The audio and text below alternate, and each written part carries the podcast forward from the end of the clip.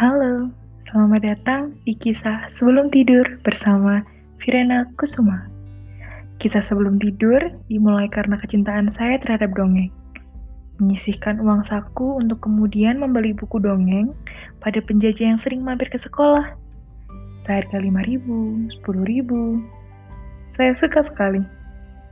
Ada kisah tentang raja dan ratu, ada asal muasal satu tempat, dan cerita heroisme dari dongeng itu. Tapi saya sedih, mereka mau dilupakan. Tak banyak yang tahu bahwa kita besar di tanah yang kaya akan cerita, yang syarat akan makna dan nilai kehidupan yang luhur. Dan sekarang, saya ingin kalian mengingatnya sebagai kisah yang akan kalian dengarkan sebelum tidur. Dari cerita Panji, Legenda Danau Toba, maupun kisah empat raja dari Papua.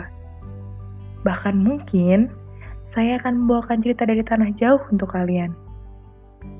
That's it. Selamat tidur, dan selamat mendengarkan.